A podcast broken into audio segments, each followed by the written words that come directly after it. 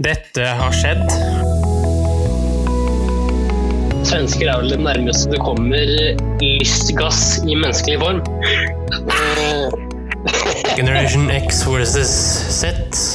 Sandberg Productions presenterer Den ekte samtalen om og med generasjon X og Z. Hold deg fast og nyt. Hallo. Klarer du noe? Jo.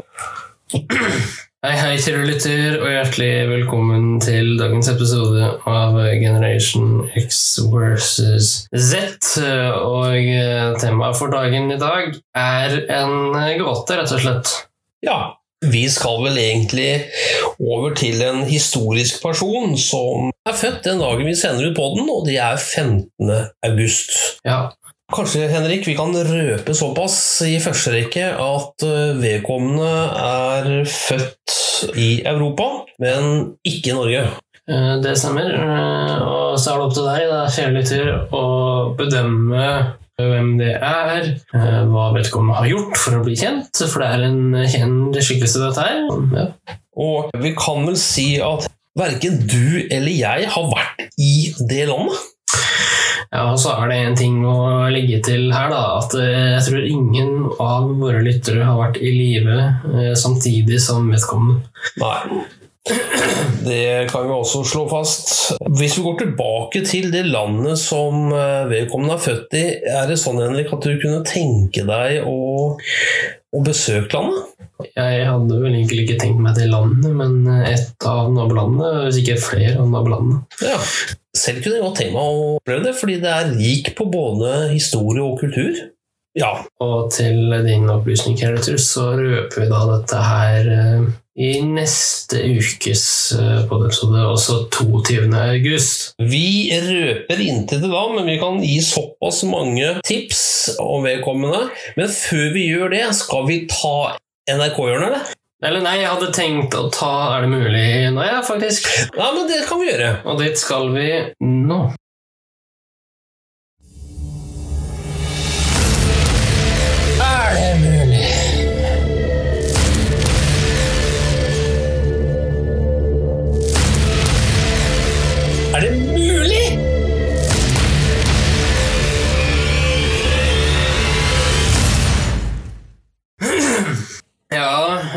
Tid for eh, Er det mulig, som du sikkert hørte, kjære lytter. Jeg sitter med et notat foran meg her som heter Er det mulig ideer, Henrik? Eh, Og da har jeg avisen VG, som jeg vil gi et lite rapp til.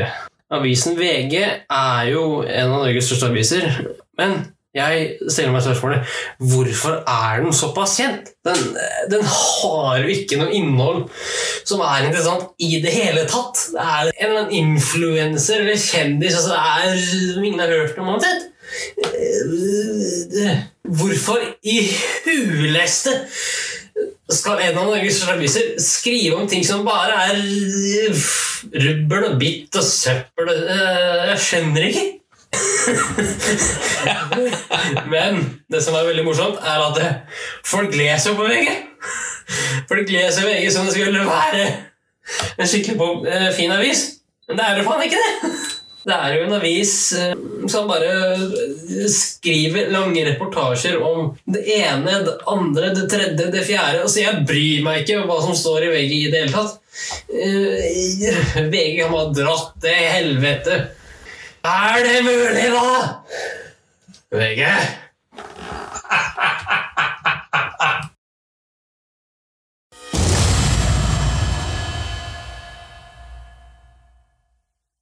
Ja, Henrik, det var Eh, Jeg forsto det sånn på deg at du er ikke så veldig glad i VG, eller? Nei. Nei. Eh, Men jeg har også Jeg har mye her da i de notatene, men det er ikke derfor vi er her nå. Eh, Vi skal også ta for oss litt mer av den gåten.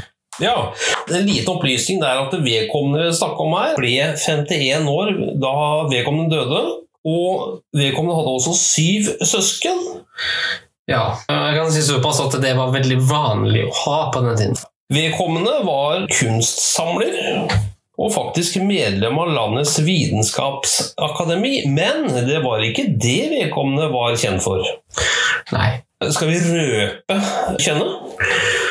Uh, nei. Nei, det tenker det gjør vi ikke. skal få gnage litt på. Det gnager vi på. Og vi kan si såpass at vedkommende ikke levde på 1900-tallet. Nei. Vedkommende døde lenge før. Ja. At vedkommende ble omtalt som eh, relativt liten av vekst, men i virkeligheten hadde han en normal høyde som var på den tiden. Ja. Hva mer kan vi si da, Henrik? Nei, vi kan vel ikke si så mye mer enn det uten å avsløre eller? Eh, Det vi kan si da, Vedkommende hadde en, en, en merkelig personlighet, en merkelig oppvekst. Eh, faren var en statsmann, eh, moren ville gjerne ha disiplin, var veldig streng. Og Ja. Vedkommende hadde veldig streng oppvekst, og det bærer vel preg av det vedkommende kanskje gjorde eller ikke gjorde senere i sitt liv. Det kan man kanskje gi uttrykk for. Mm, mm. Stikkordet her er også da disiplin.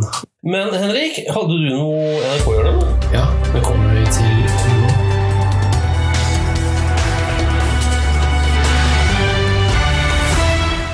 NRK-hjørnet.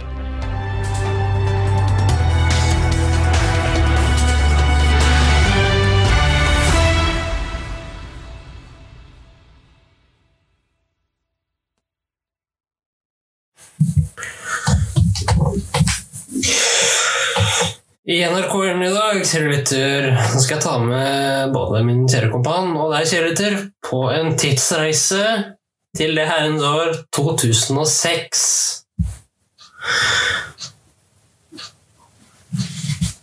2006, Henrik? Ja, Hva skjer i 2000? Altså, det skjedde jo veldig mye i 2006, men er det noe spesielt du hadde i tankene denne gangen der, eller? jo, i 2006, eh, sommeren 2006, så lagde Ylvis-brødrene et Mhm. radioprogram på NRK P3 Ja. eh, som het som het O-fag, eh, og i det programmet ja. så hadde Bård Ylvisåker, altså eh, mellomstebroren, eh, en karakter, eller et segment, da, som egentlig var en eh, humoristisk nyhetssending. Eh, sånn, Ah, ja, ja, ja, ja, ja. eh, og, den, og litt av den tenkte jeg skulle eh, Og et utslag derfra, det skal jeg spille for deg i dag, kjære. Det er bare, det er bare, til, å- bare til å nyte, for det, dette er kult. Nyt det, for det er veldig gøy. Ja. Eh, Men eh, det skal sies at eh, Bård Ylvesåker er ikke seg selv i det innslaget her. Nei. Han er en karakter som han lagde kun for det innslaget. Ok.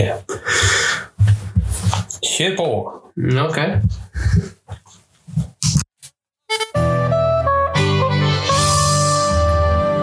Hei og eh, årsak til nyhendnad. Klokka er 12.50 og mitt navn er Brynjar Kvam. To ungdommer ble i går kveld savna like eh, utenfor ei sjølbetjent hytte i Jotunheimnaden. Tre av de to savnerne ble senere funnet, to ikke. To av dem ble sendt til Ullevål sykehus med store ryggsmerter, resten med helikopter. Det var to lavinehunder som fant de savna, men det lukkes ikke Nyhenderedaksjonen å få kommentarer fra lavinehundene i går kveld. Nå uten riks. Fem tyskere ble i dag funnet i Tyskland. Det var alt vi hadde fra Tyskland i denne saka. Årsak? Nå får jeg inn en meldnad inn på ørehinna mi. De har nå funnet enda en tysker i Tyskland, og det totale antallet er nå oppe i seks tyskere. Nyhenderedaksjonen jobber altså på spreng med å få en oversikt i Tyskland, men alt tyder på at tallet kommer til å stige de neste døgene. Det var alt fra Nyhender i dag. Mitt navn er Brynjer Kvam.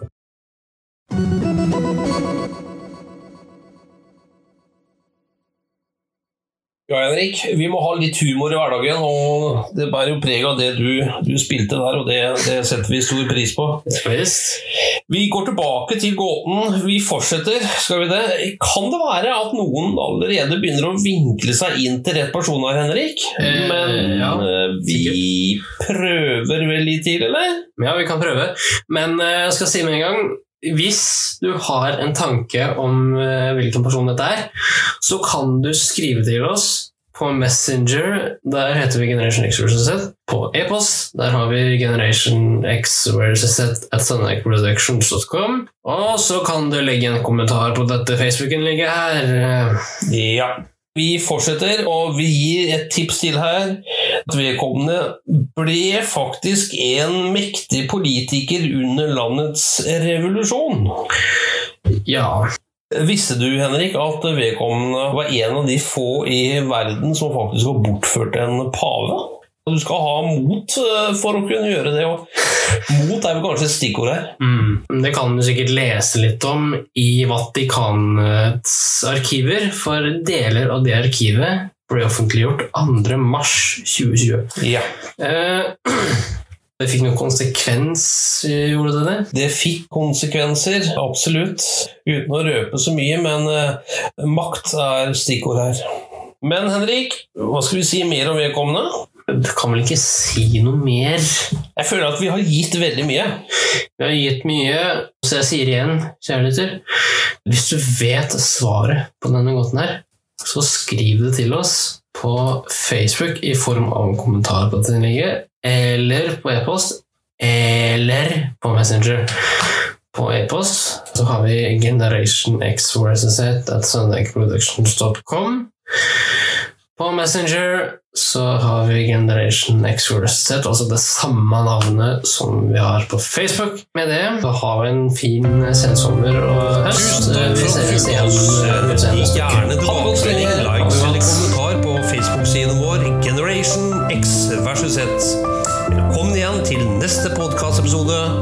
Hei då!